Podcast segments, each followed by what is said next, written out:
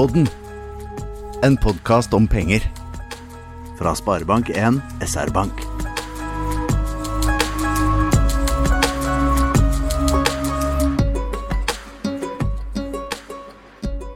Hallo, alle sammen. Velkommen til årets første episode av Sparepodden. Mitt navn er Anna Lærdal Skuland, og jeg styrer denne podkasten sammen med sjeføkonom Kyrre Knutsen. Velkommen, Kyrre. Tusen takk, Anna. Det er jo veldig kjekt at jeg fikk fornya tillit òg inn i 2024. Det er jeg veldig takknemlig for. Det er veldig kjekt du vil være med. Eh, I dag har vi jo et litt sånn annerledes opplegg. For vi er rett og slett eh, på Solamøte og har en Mhm. sånn eh, Kanskje, Kan vi kalle det live podcast? Kanskje ikke live, men eh, Vi sitter nå her i lobbyen. Ja, vi Ja. gjør det. Kan du fortelle litt om Solamøtet? Jo, Solamøtet det er jo eh, regionens, eller kanskje landets, viktigste Mm. møteplass. eh, Der eh, alt ifra de ledende politikerne, statsministeren har vært der, Erna Solberg eh, er der, eh, Equinor-sjefen er der, og egentlig alt som kan krype av og gå av eh, de viktigste næringslivslederne i regionen, og viktige politikere både i regionen og i nasjonen. Så det er rett og slett et veldig bra arrangement. Det er NHO som har det, og vi i SR-Bank er òg med på laget. Det er veldig gøy. Og vi har jo som sagt så sitter vi midt i lobbyen på Air, eh, hotellet Air Sola. mm -hmm. Klarin hotell. Eh, og vi skal videre i sendingen ha med oss tre gjester. Ja. Håvard Handeland, ordføreren i Sauda. Mm -hmm. Eimen Nygaard, konsernsjef i Lyse. Mhm. Og eh, Sissel eh, Nå står det helt Hegdal Knutsen, som Takk, er takk, er ordfører i Stavanger. Der redda det meg. Ja. men, så, men før det så må vi jo eh, snakke litt om konjunkturbarometeret. ja, du mente at vi måtte det? Ja, det er jo mitt favorittema i Mhm. podkasten. og det Du skal jo på Har jo vært på scenen i dag. Mm, Stemmer det? Hvordan var det? Det var, var veldig kjekt, men det er, også, det er liksom sånn 17. mai og julaften på en gang for meg og oss, dette her. sant? Det er masse folk, stappfull sal, Mm. og jeg hadde tenkt skulle ha med gitaren og litt sånn som det, og pluss da lansere rykende ferske tall fra konjunkturbarometeret. Hva- Kan du fortelle litt om de funnene fra Ja, konjunkturbarometerne? Men før de funnene, så kan okay. jo si at når jeg da allerede hadde litt høy puls og hadde forberedt meg, så ringte de da og sa Jonas Gahr Støre, han, altså statsministeren, han Mm. er da forsinka. Kan du ta hans plass? Så jeg var på en måte stand-in for statsministeren og tok hans tale. Nei jeg gjorde ikke det. Jeg tok jo konjunkturbarometer da. Men eh, det var liksom litt ekstra puls da på morgenkvisten her. Nei, altså det er jo eh, eh, altså helt ferske tall fra konjunkturbarometer. 600 bedriftsledere som har svart, og hva, hva de tror om det året som kommer. Eh, og vi er jo ekstra spent nå, fordi at det har jo vært renta har steget fra 0 til 4,5% fra Norges Bank. Mm. Prisene, inflasjonen, kostnader, alt har steget. Sånn at det, det er jo ei tid som virkelig er spesiell, og vi er veldig spent på hvordan det ser ut i glasskula. Men fortell meg da litt om de tre viktigste funnene fra konjunkturbarometeret. For det første så er det faktisk uvanlig svake tall hvis vi ser på Norge samla sett, eller Sør-Norge som er målet. Um, der forventer de noe nedgang, 600 bedrifter, i året som kommer. Eh, nå er det riktignok ikke sånn krisetall, og det er nok resultat av at har, altså Norges Bank har satt opp renta mye for å dempe eh, press i norsk økonomi. Så noe av det er jo en ønska eh, utvikling, men det er òg litt sånn krevende, særlig hvis vi ser på eh, bransjenivå. For det er det andre punktet at det, nå begynner det å bli veldig store bransjevise forskjeller. Hvis du er innenfor energibransjen, så ser det jo ganske bra ut. Der er det god aktivitet på norsk sokkel, og det skjer ganske mye med det grønne skiftet. Så energibedrifter de ser ganske positivt på 2024. Mens bygg og anlegg, der er det veldig svakt. Og kanskje særlig de som er retta inn mot nye boliger, som Mm. er jo ganske mye ned. Og det tredje er at, da at det blir store forskjeller både mellom bransjene og mellom fylkene. Men det vil si en fjerde ting som er litt positive. Ja, Det er til en fjerde ting. Ja, ja, ja, ja, alltid en fjerde ting. Det er jo det at de samla sett så, så er det sånn bedriftene skal, har ikke planer om å nedbemanne. Mm. Så summen av bedriftene sier ok, vi kommer til å holde på bemanningen framover. I Rogaland så er de på pluss, Mm. eh, og i energibransjen på pluss. Så det betyr jo òg at eh, det, altså det vi hadde frykta nå, er jo at arbeidsledigheten skal komme kraftig opp pga. Mm. alt som skjer og ting skal roes ned. Men sånn som det ser ut nå, Mm. så kommer òg arbeidsledigheten til å holde seg på ganske eh, moderat nivå inn i 2024. Veldig spennende. Eh, fortalte du all, alt nå, eller kan vi høre mer om dette her eh? Ja, dette har vi jo en eh, egen eh, sted på internettet, eller på vår hjemmeside, srbank.no under bedrift. Mm. Så hvis man scroller litt ned der, så finner man ganske mye informasjon om dette barometeret, om kanskje sin egen bransje eller sitt eget fylke. Mm. Men ja, veldig bra, Kyrre. Vi skal jo videre da til intervjuer med gjestene våre. Mhm. eh, og det, disse her har vi spilt inn i pausene på Solamøtet. Ja, og det har vært en eh, veldig gøy. Det har vært kjempegøy. Litt skummelt. Ja. Men jeg tenker at vi bare hører på deg. ja, vi kjører på. Flotte greier.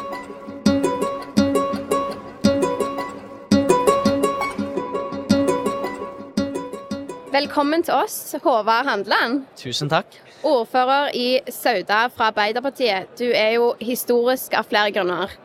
Eh, for det første er jo du vår første ekstern gjest i Sparepodden. Det er ganske kult. Ja, takk. Og så er du jo den yngste ordføreren i Norge noensinne. Du var 19 da du vant valget, og fikk flertall i september i fjor. Veldig, veldig kult å ha deg her. Tusen takk for det. Og vi har jo virkelig gledet oss til å treffe deg. Eh, Du er ung og fremoverlent. eh, Og jeg vil tro for alle som er med et sånt valg, u- nest- nesten litt sånn uavhengig av alder, men kanskje særlig da siden eh, din unge alder, liksom, kan du si eller hva følte du når du liksom klarte å dra dette i land? Jeg skal jo være så ærlig å si at da jeg ble valgt som partiets ordførerkandidat i mars i fjor, så så jeg vel på meg sjøl mer som en førstekandidat, da, annet enn en ordførerkandidat. Så det var, det var først eh, i firetida på valgnatta jeg skjønte at oi, søren, jeg er jo faktisk ordførerkandidat. Nå har vi flertall. Og vi er største parti i den koalisjonen, og da får jeg spørsmål, og det fikk jeg. Og, og da tenkte jeg litt tilbake til en, eh, en eh, sånn motivasjonstale jeg eh, hørte, og der han, han sa at se for deg at du ligger på dødsleiet, og det står masse spøkelser rundt deg, og de spøkelsene representerer de mulighetene og sjansene du aldri tok. Og nå må de på en måte gå i grava med deg. Så jeg ville ikke ha det spøkelset med det ordførervervet med meg da, når jeg en gang ligger der. Så den sjansen tok jeg, og jeg tror, jeg, tror ikke jeg kommer til å angre på det. altså. Veldig kult. Har det vært eh, sånn du trodde det skulle være? Nei, det har ikke det. Nei? Det har faktisk ikke det, altså. Ta det første først. En ordfører får jo ikke gjort noen ting sjøl. Eh, og det var litt sånn jeg trodde at når jeg kom inn på rådhuset, at nå er det bare å begynne, liksom, med det jeg hadde sett for meg, å sette spaden i jorda uten Og så kom en jo opp i at det er noe som heter LNF, og noen som heter LNFR, og ting skal konsekvensutredes, og det skal gjennom masse prosesser, da. Eh, Byråkratiet er tungt. Eh, Og den offentlige forvaltningen har mer til seg enn en politisk leder, heldigvis, får en jo si. Så det har vært litt eh, Det, det er tungt eh, å begynne, men eh, samtidig så er det jo enormt lærerikt. Altså, for en utdanning. Ja. Veldig kult. Ja. Siden vi er Sparebåten, så lurer jo vi veldig på eh, det med å lage budsjett for kommunen. Kan du fortelle oss litt sånn kort om det? Men så har jeg òg hørt en, et lite rykte om at det skjedde noe på veien til det budsjettmøtet. Kan du snakke litt om det? ja. Eh, først og fremst så har jeg blitt veldig god i Excel, da. Ja. Var jeg, eh, det var en eh, kunnskap som jeg måtte hente fram igjen fra matematikktimene. Men eh, ja, på vei til budsjettmøtet så var det glatt i Sauda. Eh, Og som en uerfaren sjåfør så tok jo jeg bilen og ante fred og ingen fare i det jeg sto på toppen av den bratteste bakken i Sauda. da. Og dekkene låste seg. Jeg lurte hva i all verden er som skjer? Jeg trodde jeg trykte inn kløtsjen når det var bremsen. Det er ingen respons. Eh, og jeg sklir nedover. Jeg blir mer og mer religiøs for hver meter, nærmest. Og tenker vel at, uh, at det var litt tidlig, dette her, da. Uh, at jeg får følge budsjettprosessen fra en annen plass. Men heldigvis så, så gikk det bra. Men bilen er kondemnert og vraka, og Såpass. Eh, ja, den ble helt ødelagt. Men det var jo en Ja, det var en ekkel opplevelse, altså. Det må jeg si. Ja. En kan tulle litt med det, men eh, Ja, det var uggent. Og når det først sa stopp. Mm. Airbagen slo ikke ut, så det var ikke noe særlig troverdig. eller... Ja, jeg hadde ikke stolt på den bilen igjen da, hvis jeg hadde fått den tilbake. Så det var like greit at den ble vraka. Men når jeg først kom meg til budsjettmøtet etter eh, legevakt og forskjellig Jeg var litt sein, selvfølgelig, men eh, Men nei, det å lede budsjettprosessen, det er jo Heldigvis så har jo ikke jeg ansvaret for budsjettet sjøl. Mm. Det er jo et enormt nettverk rundt med administrasjonen som jobber fram forslag og tiltak. Og så er det jo de folkevalgte da, som plukker tiltak og, og mikser og trikser litt med de. Så det er utrolig gøy. Jeg har ett eksempel som jeg er eh, Vi har, driver og bytter kunstgrasmatter på stadion. Og Det har vært en litt sånn viktig sak for min del når jeg var i ungdomsrådet. Det er jo en teit ting å nevne, for det er jo ikke noe sånn svært, men det betyr mye for mange. Eh, Og det å kunne bare foreslå det i et budsjettmøte, og så setter vi av en pott på 3,9 millioner kroner, så blir det noe av. Det, det er så gøy å kunne være med og virkelig reell påvirkningsmulighet. Ja. Så det, nei, det, det er først og fremst gøy, altså, men når det først kommer det fram. Stilig. Og som du sier, også, det, det, det med å påvirke må jo Men òg at du er en del av et, et skikkelig bra team. Ja. Ehm, litt tilbake til Sauda er jo et fantastisk flott sted. Eh, mange kjenner til det, har mye industriell historie. Hvordan, I forhold til budsjettet og økonomien i kommunene, da, hvordan, hvordan er eh, økonomien, og hvordan rigger dere dere for framtiden? Ja, og det er et veldig godt spørsmål, men vi, en, vi er jo en kraftkommune. Med vertskap for eh, storskala kraftproduksjon, og mye av inntektene våre baserer seg på å selge konsesjonskraft som vi har tilgang til å kjøpe for en billig pris pga. disse konsesjonslovene som er over 100 år er en viktig samfunnskontrakt. Eh, Men problemet vårt i Sauda er at vi i lengre tid har putta alle de kraftinntektene inn i drift. Og det er jo en veldig usikker inntektskilde. Særlig de siste årene har en jo sett det at det svinger opp og ned. De årene som er dårlige, det betyr at en må, en må kutte i drift. Altså på, En kan jo ikke ta lønn, så det går jo utover tjenester. Så det er utfordringen med å være den kommunen vi er. Eh, Nå har vi klart å fristilt oss for, eh, for noe av de inntektene vi har i, i forbindelse med kraft, og det blir den store, store oppgaven vår da, disse årene. Og i større grad fristille drift for en eh, svingende inntektskilde. Nesten som å bygge opp et lite oljefond? Eller liksom Ja, sånn ja, noe ja, ja datere disposisjonsfond, som Ja. jeg kaller det da. Der vi kan, i stedet for å lånefinansiere alle investeringer og bygge opp gjeldsgraden, som igjen noe av det føres over til innbyggerne gjennom det selvkostprinsippet, men, men det å kunne ta noen av investeringene av oppsparte midler, da, likvide midler, det, det er et viktig mål for vår del. i hvert fall. Men det er jo en fantastisk kommune å representere. da. Ja, det vil Han er jo fin estetisk sett, men det er et enormt fellesskap der, og det er så intimt. På godt og vondt. da. Jeg lurer jo litt på eh, Når du driver jo og planlegger budsjettet for kommunen, Ja. men hvordan er privat? Hvordan er det budsjettet er privat? Og, Nei, Det har jo endra seg litt, da. ja, Eh, Jeg kommer fra Esso. Ja. Eh, Annenhver søndag, ikke sant. Og 4000 i, i måneden og nærmest frikort. Og det er jo en heilomvending å uh, skru opp den uh, lønna litt. Og, så, og det er vanskelig. Hvor i all verden putte inn de pengene? Eh, fond har jeg brukt en del. Ja. Eh, Jeg tør ikke å hive meg på aksjene. Jeg tror det, jeg ser at det ikke alltid går bra, selv om det har ikke så mye å si om en ordfører i Sauda begynner med det. da, Men, men jeg, jeg bruker litt fond. Jeg har ikke BSU. Det angrer jeg på. at okay, jeg, ja. eh, Det bør jeg gjerne begynne med. da. Men jeg bor jo hjemme, da. Ja. Så bare for å bry, ta elefanten i rommet. Ja. Ja. Og sånn at da har vi tatt den allerede nå. Eh, Jeg bor i kjelleren nå, riktignok. Eh, egen inngang og Ja da. Nei, men jeg, jeg trives, trives der. Så jeg bor jo på all inclusive hotell Ja, permanent. ja, ja, det er bra. ja. Men har du planer om å Altså, vi har jo fulgt uh, Anna sin reise for å bytte og kjøpe, uh, Kjøpe bolig. kjøpe bolig. Ja. Uh, har du noen planer, drømmer og visjoner på den Vi sliter jo med hybler da, i Sauda. Tilgang Ja. på leiligheter og hybler. Vi tar imot mange flyktninger fra Ukraina. Mm. Og så har vi en videregående skole, og 50% av elevene der kommer utenfor kommunen. Og de skal jo òg ha en plass å bo. Eh, Det er noe ledig, og så tenker jeg litt sånn at når jeg har mulighet Jeg er jo ute og reiser på rådhuset stort sett hele døgnet. De seks timene jeg er hjemme, de prøver jeg å øh, sove litt. Eh, Er det da på en måte vits at jeg skal ta en del av den kapasiteten som er ganske sprengt allerede, da, bare for å la den stå? Det er jo én ting. Og så ser jo den at det blir jo Det er vel ikke en eneste avisartikkel der det ikke står at jeg bor på gutterommet. Ja. Så jeg, får, jeg, jeg begynner å bli litt sånn Ja, det går greit, men uh, Nei, jeg har som mål å få meg en leilighet, altså. På sikt. Men du må jo Ja. tenke, når du bor hjemme, så sparer du ganske mye penger. Du gjør det, sant? altså. Det er... Og det kommer jo et liv etter disse fire årene. det ikke gjør sant? det. Og Men, fra ja. det så tenker jeg jo eh, ja, du bor hjemme, men så når du er 30 år, hva, hva ser du for deg? Hvor, du, hvor er du da?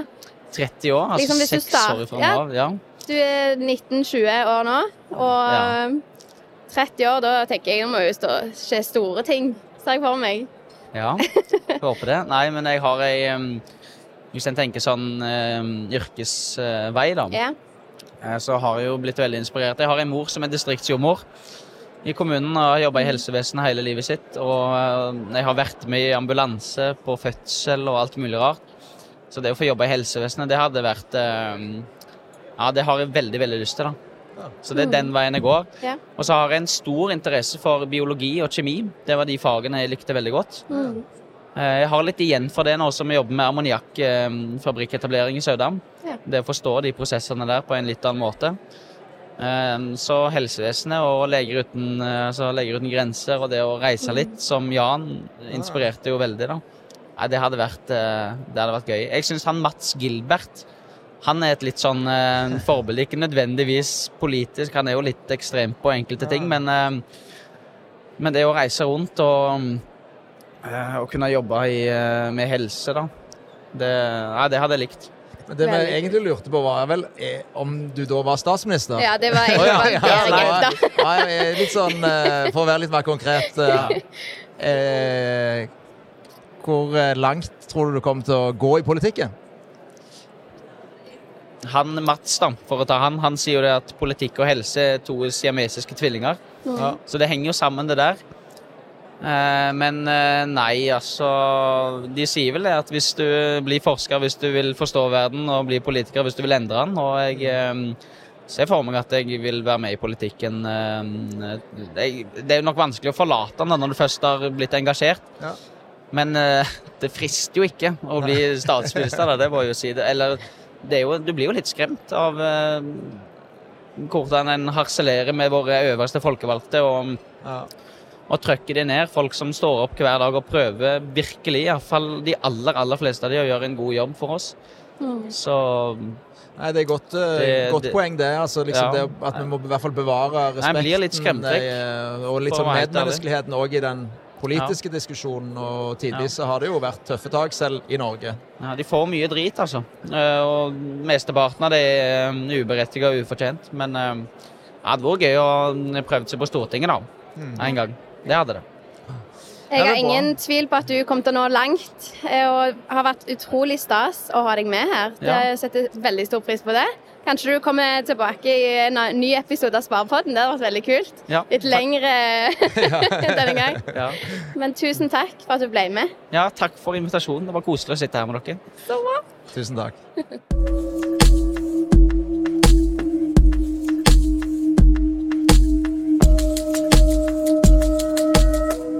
Da er det stor glede å introdusere neste gjest eh, her i podkasten vår. Eh, og dette har jeg gleda meg til. Det er altså øverste sjef i Lyse. Eh, og vært synonymt med Lyse i veldig mange år, for han har vært toppsjef helt siden 1998. Eh, og det har jo vært et selskap som har forandra seg veldig mye i de årene, som vi skal komme litt inn på i denne podkasten òg. Først og fremst, eh, velkommen til oss, Eimund Nygaard. Veldig kjekt å ha deg med på podkasten her. Tusen takk. Veldig kjekt å være her. Det setter jeg pris på.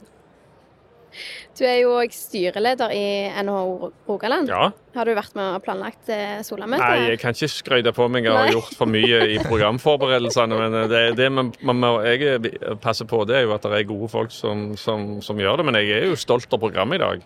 Jeg syns både gjestelisten og deler av programmet er veldig bra. Eh, Bedre enn på lenge, syns jeg, og veldig aktuelt. eh, Og med stor bredde. Så jeg syns det Ja, jeg sitter med en viss stolthet og applauderer de som har, har stelt dette i stand. Ja, bra.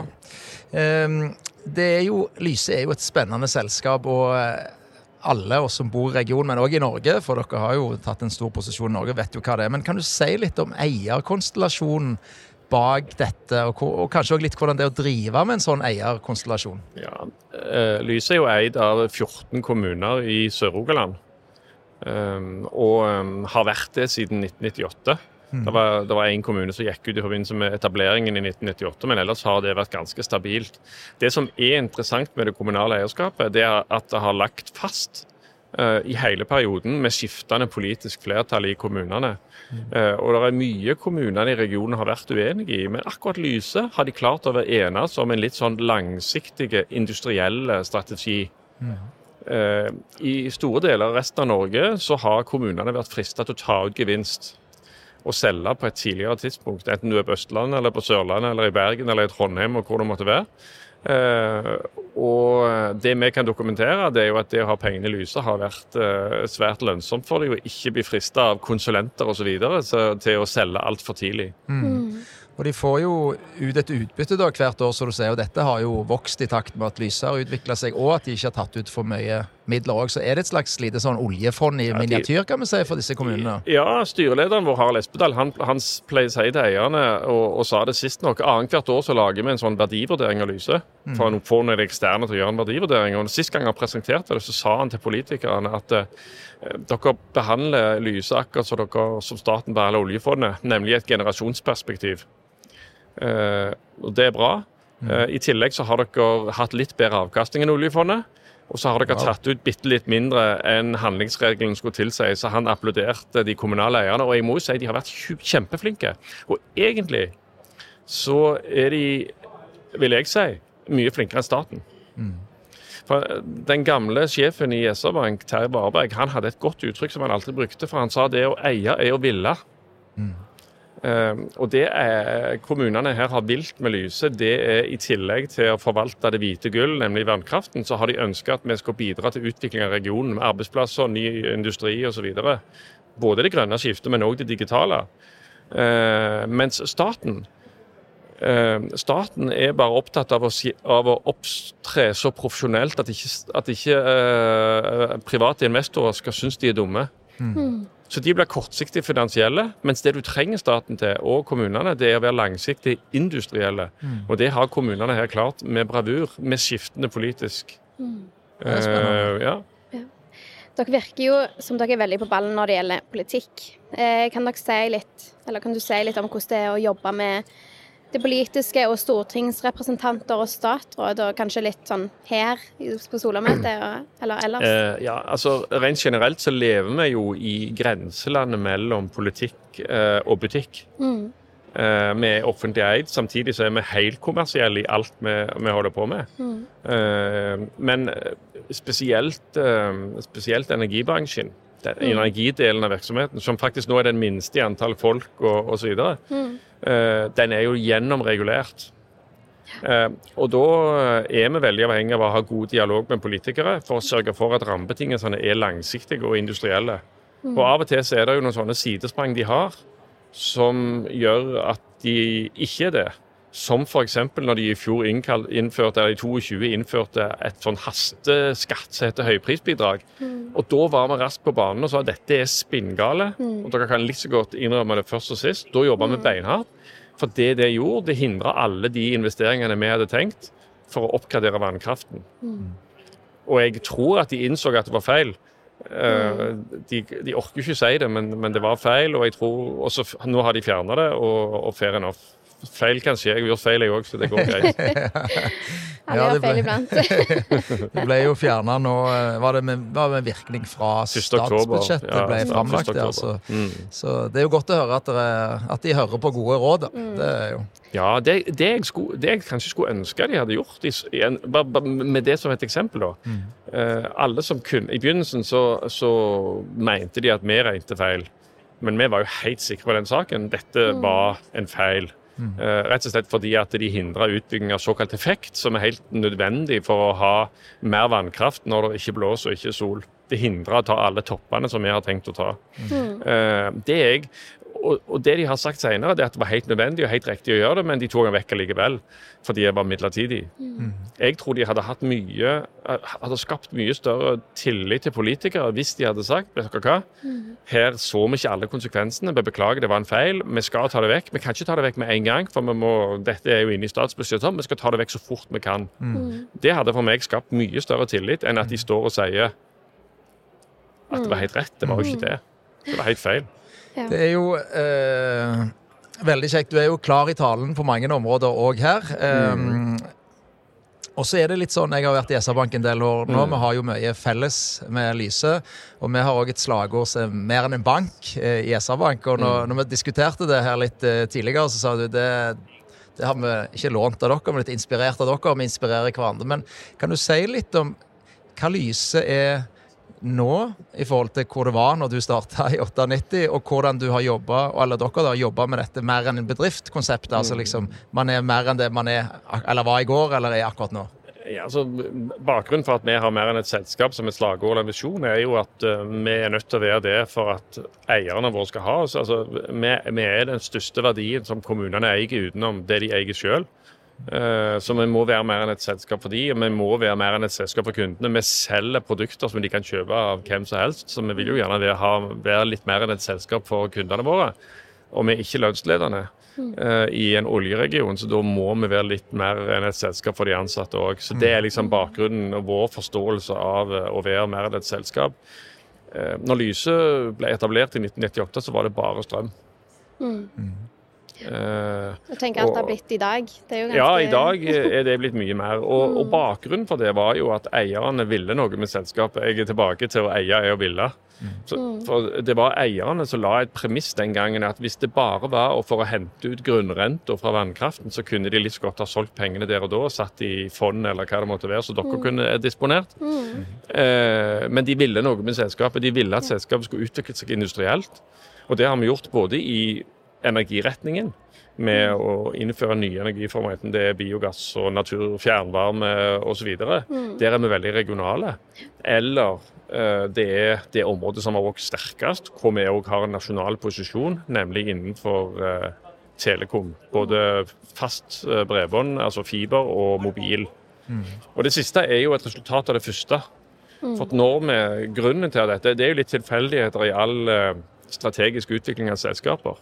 Det er ikke så lett å planlegge alt. Men når vi skulle bygge eh, et gassnett i, i regionen her, så bestemte vi oss for Vi har jo brukt fiber til å styre kraftstasjoner og sånn i tiår etter tiår. Men når vi da skulle legge gassnett, så bestemte vi oss for å legge trekkere for, for fiber.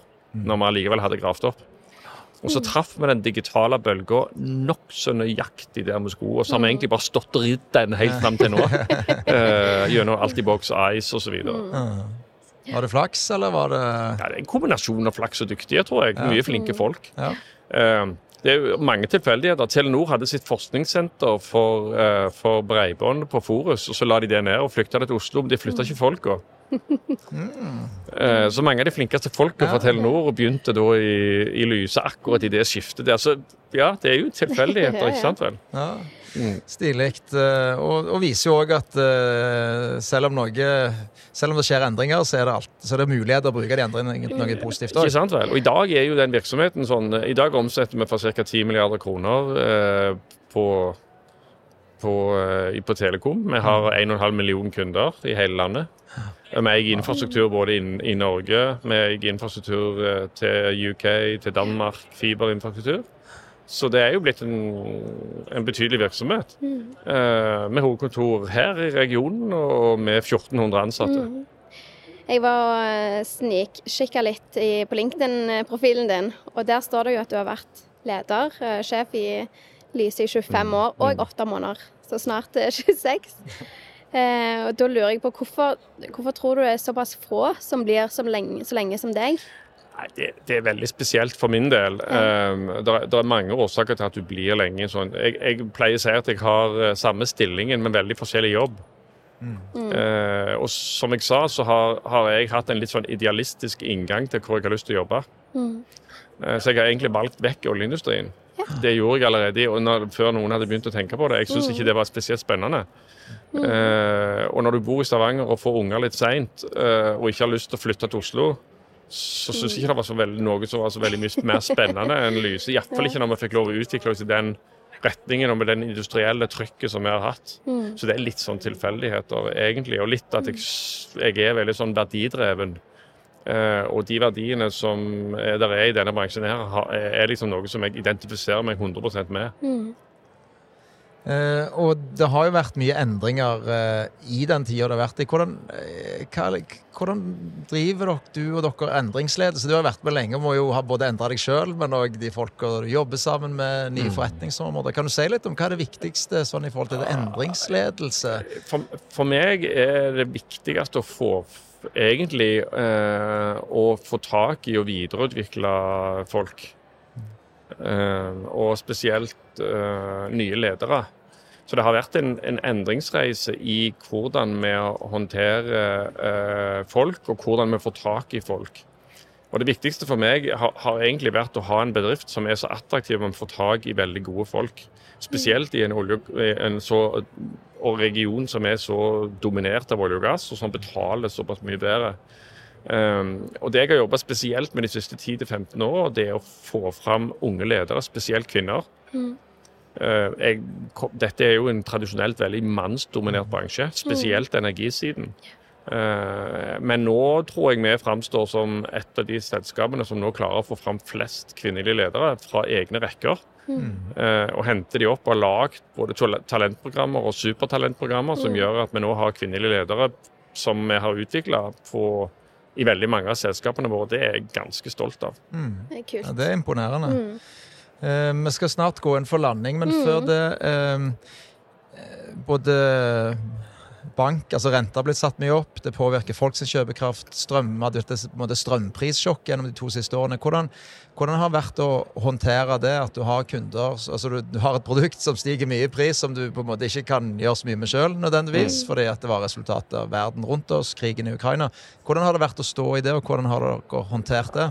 Jeg syns, jeg syns eh, det har vært ganske krevende. Det, det, er jo, det er jo et markedsbasert system som kraftbransjen egentlig var imot når det ble innført. Så, så, eh, eh, men eh, som har vist seg å, å være ganske robust. Jeg syns jo at det har vært vanskelig når det er folk rundt meg og, og med kunder som, som, som som har kjent konsekvensen av det. Nå har riktignok staten gått inn med gode støtteordninger, da, så for den vanlige så har det ikke vært så store problemer. og Det har jo tross alt ordnet seg.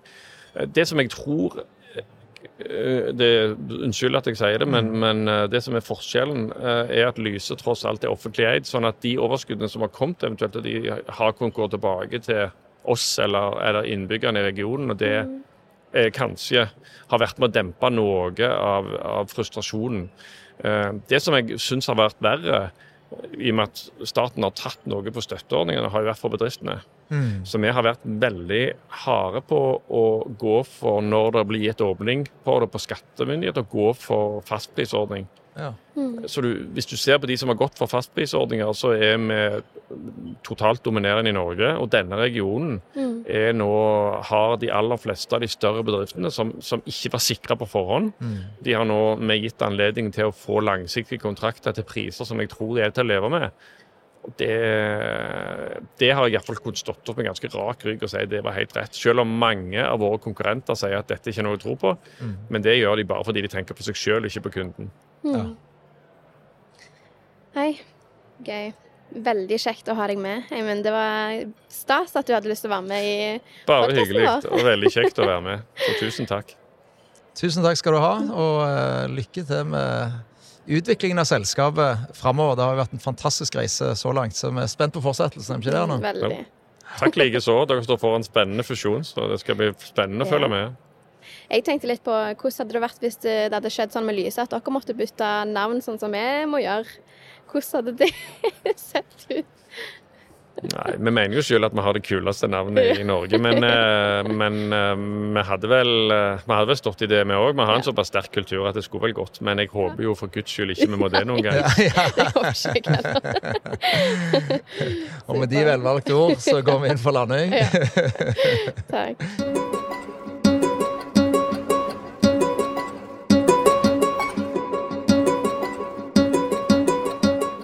Vår siste gjest er rett og slett Stavanger-ordføreren Sissel Knutsel Hegdal. Velkommen til oss, Sissel. Tusen takk. Veldig kjekt at du ville være med. Eh, politikerne som her på Solamøtet er jo vant med at eh, Stavanger styres av eh, Høyre. Hvis vi ser bort fra Kari Nessa Nordtun, eh, som styrte sist nå, så har jo Stavanger, eh, Høyre styrt Stavanger siden 1995. Hvorfor er det sånn i Stavanger, tror du? Jeg tror eh, Stavanger Høyre har stått for en politikk eh, som har appellert til veldig mange. Eh, vi har vært opptatt av å samarbeide med innbyggerne. Vi har vært opptatt av skole og utdanning, som jo er ekstremt viktig. Eh, vi har prioritert helse høyt. Og så har vi også hele veien jobba på lag med, med næringslivet. Og så tror jeg også at kultur og idrett er jo noe vi, vi ynder å snakke om kultur- og idrettsbyen Stavanger. Sånn at det at vi også har klart å prioritere ting som ikke er lovpålagte oppgaver for en kommune, men som er utrolig viktig for attraktivitet og for at det skal være en god by og kommune å bo i, har også sannsynligvis gjort at vi har hatt mange velgere og mange som heier på oss over lang, lang tid. Spennende. Og eh, det er jo mange eh, oppgaver nå. og det må jeg si på en måte gratulerer, selv om det, det er en stund siden nå. Men eh, gratulerer. Det må jo være veldig gøy å vinne, valg, å vinne det valget. Eh, du har jo bakgrunn som jurist, har vært i politikken lenge, 20 år. I forhold til å styre et budsjett på 13 milliarder kroner, som jo eh, omtrent Stavanger kommune har, hvordan, hvordan er den jobben der? Nei, vi har jo, Det er jo en av høydepunktene for oss eh, lokalpolitikere. Det er jo hver høst når vi får lov å jobbe med handels- og økonomiplan. Eh, og det har det egentlig vært helt fra jeg gikk inn i politikken i 2003. Eh, så har det vært veldig mye læring i den prosessen når vi holder på med budsjett. Både det fremlegget som vår administrasjon, kommun kommunedirektøren presenterer jo et, et forslag til budsjett og handels- og økonomiplan for oss. Og så får vi muligheten til å diskutere det i de både forskjellige utvalgene, men også etter hvert når jeg får lov å gjøre det på ordførernivå, så er det jo veldig veldig spennende. Men det, det er jo ingen tvil om at det er et stort ansvar også. Eh, fordi at det er mange behov. Vi har veldig mange gode tjenester som allerede er i gang. Og så er det jo alltid sånn at du ønsker å omstille og ønsker på en måte å imøtekomme eh, den nye utviklinga. Og, og vi er også nødt til det. Det tvinger seg fram eh, et behov for å omstille. Eh, og da å sitte og gjøre de rette grepene eh, blir både, som jeg sier, mye ansvar, men, men eh, det, det er et privilegium å få lov å sette på det nivået også. Eh, For meg har det vært helt avgjørende å spille på lag med alle de gode aktørene som vi har i kommunen vår. Eh, Først og fremst så jeg lener jeg meg jo på veldig mange dyktige ansatte som leverer et, et flott produkt til oss med et budsjett. Men de innspillene vi får fra lag, organisasjoner, fra næringsliv eh, på ulike områder er helt uvurderlige i forhold til å treffe de gode beslutningene. Så for meg så handler det her om et lagspill, der vi til slutt er de som er premissleverandører og vedtar et budsjett. Men vi hadde ikke klart å gjøre det uten den kunnskapen og den inputen som kommer fra byen og, og regionen. Eh, Og så også det samspillet som må være mellom kommune og stat. Det er kanskje det området jeg føler at vi skal bli enda flinkere på. og- være tydelige på de prioriteringene og de behovene som vi har som storbyregion, eh, og hvordan vi må jobbe felles for å løse de oppgavene. Ikke bare i det budsjettet vi har i Stavanger kommune, men med de tilskuddene vi også får fra staten. Og i dette lagspillet er jo veldig interessant. Jeg er jo innbygger i Stavanger kommune, og eh, er den glade mottaker av veldig mange fine og gode tjenester, så og, et ganske bredt spekter.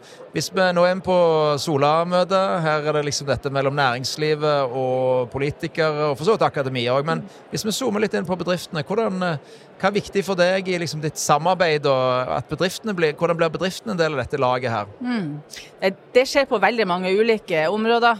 Eh, Først og fremst er det viktig for meg at bedriftene er i- Stavanger og er i regionen, fordi at det skaper arbeidsplasser. Mm. Og, et av temaene her på Sola-møtet har jo nettopp vært det at flere må komme seg i jobb.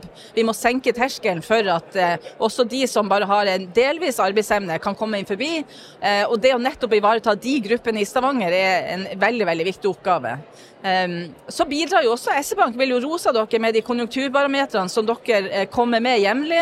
Det gir jo oss nettopp kunnskap eh, om hva er situasjonen for næringslivet i regionen vår. Eh, og på bakgrunn av den kunnskapen så kan jo vi også se hvor er det vi trenger å iverksette tiltak. Og så er det jo næringslivet sjøl som på en måte må ta føringa og strategien for hva er det vi skal satse på, hvor skal det investeres, hva er planene. Men jeg tenker at vi som kommune må spille på lag med det. En av de største utfordringene er jo f.eks.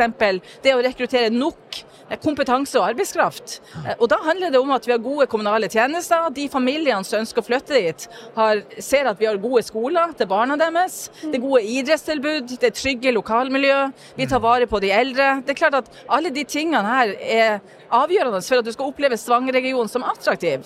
Og så tenker jeg også det at vi som eh, kommune må spille bedre på lag med de kommunene rundt oss. For vi er et sammenvokst arbeids- og bomarked. Eh, sånn at, at jeg har jevnlige diskusjoner med mine kollegaer i i Sola, i Sandnes og Randaberg. Og at vi sammen finner gode regionale løsninger, eh, blir veldig viktig for eh, perioden vi er inne i. Men når vi er her eh, på Solamøtet, så er det jo ganske mange store bedrifter som er representert.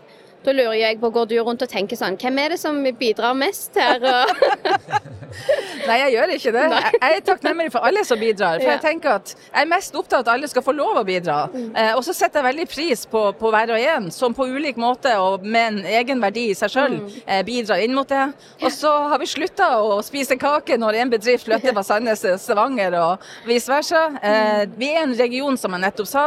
Eh, vi er et felles bo- og arbeidsmarked, og da må vi heller tenke på hvordan kan vi klare å snu den strømmen som jeg opplever er mot Oslo, eh, der vi mister våre nyutdanna ungdommer. Om de kommer fra NTNU eller Universitetet i Stavanger, så går strømmen nå mot Oslo. Eh, den må vi klare å snu, for hvis ikke så har vi en, en, en alvorlig eh, utfordring i framtida med å få tak i all den arbeidskraft og kompetansen som vi trenger for at vi skal klare å realisere de mulighetene som vi har lytta til i hele dag. Vi er i det grønne skiftet, vi har eh, masse muligheter innenfor helse.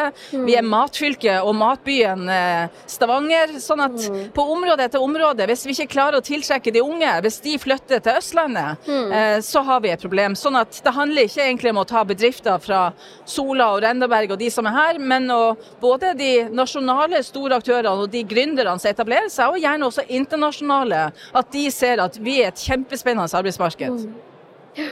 Men kan de store, store bedrifter da, kan de være med å prioritere liksom, hvordan budsjettet blir, eller ja.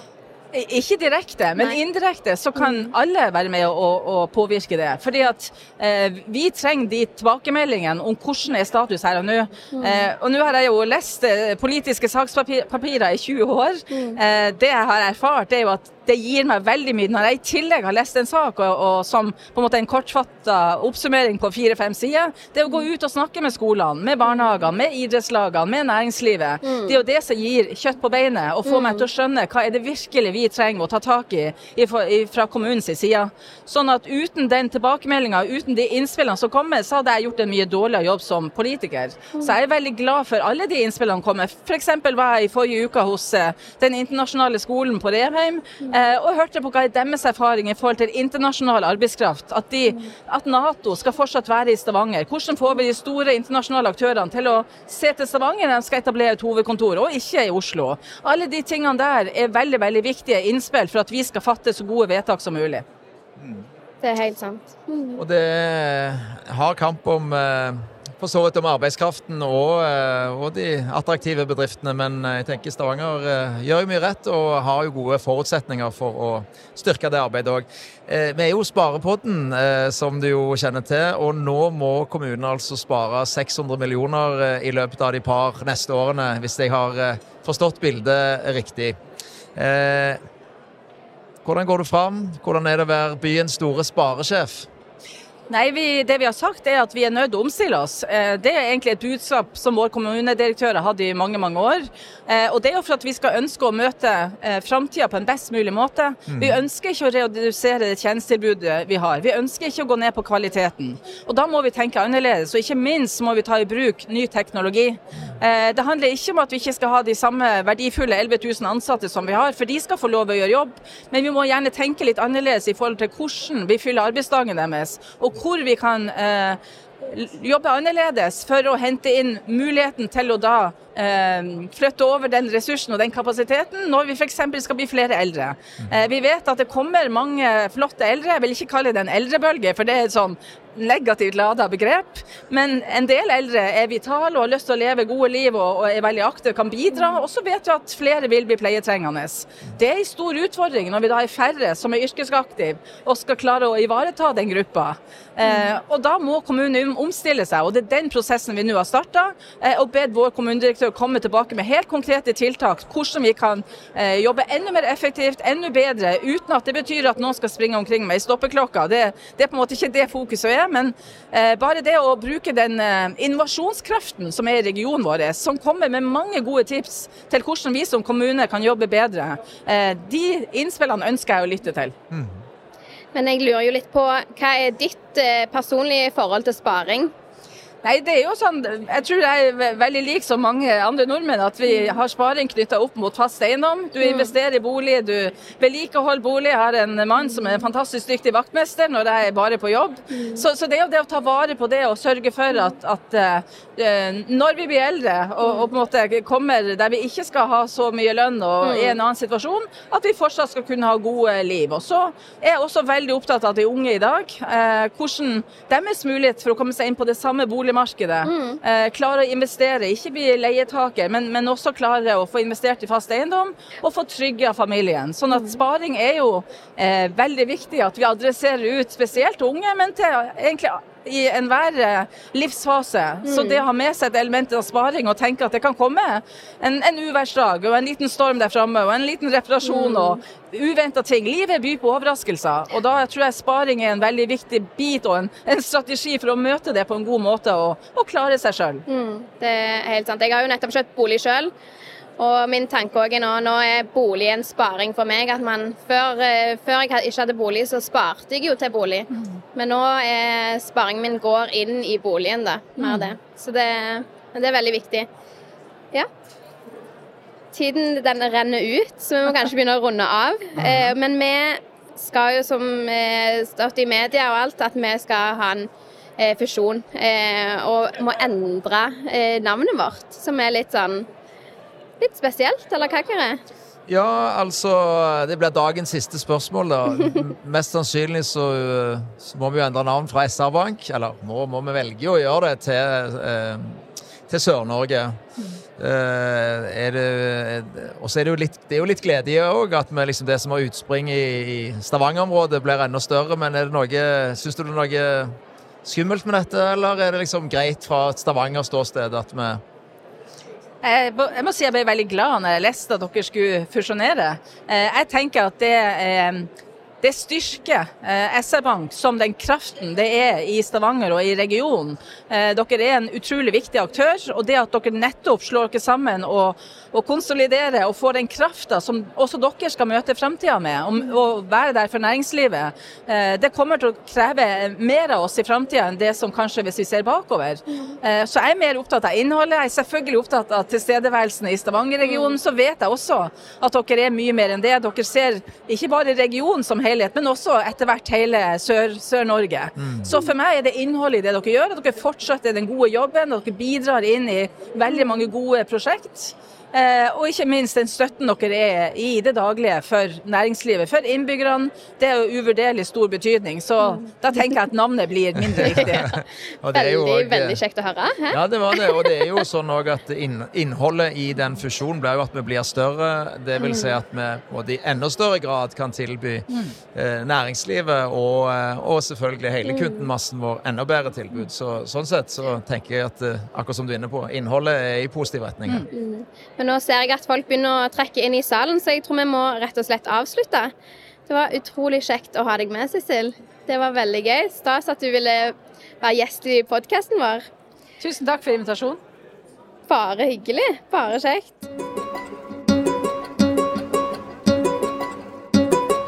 Ja vel, Anna. Dette gikk jo greit, eller hva syns du sjøl? Det er live podkast og eksterne gjester. Er det kjekk? Det er jo en liten sånn uh, klyp meg i armen-øyeblikk. Ja. Er litt, jeg har vært syk, jeg. Men jeg var ganske nervøs i starten, altså. Ja. Men òg det har gitt Jeg må jo si det har gitt mersmak. Mer eh, podcaster, live-podcaster i framtiden, sier jeg. Ser du for deg en liten turné at vi liksom, oh, det eh, med dette flotte skiltet Ja, ja, ja. vårt Ja. og riggen Veldig kjekt med eksterne gjester òg. Ja, veldig kjekt med eksterne gjester. Og med, kanskje vi skal ha en liten eh, turné, ja. Det er ikke dum idé. Nei, det kan du tenke litt på. Men jeg ser jo at denne podkasten har vart eh, veldig lenge. Kanskje tidenes lengste episode. Ja, ja. eh, så jeg tror vi må si takk for nå.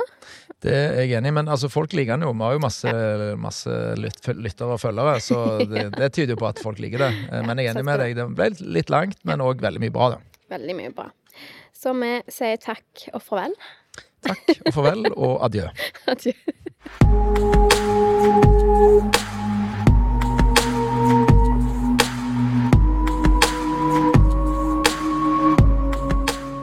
Denne podkasten er produsert av Impress Publisering.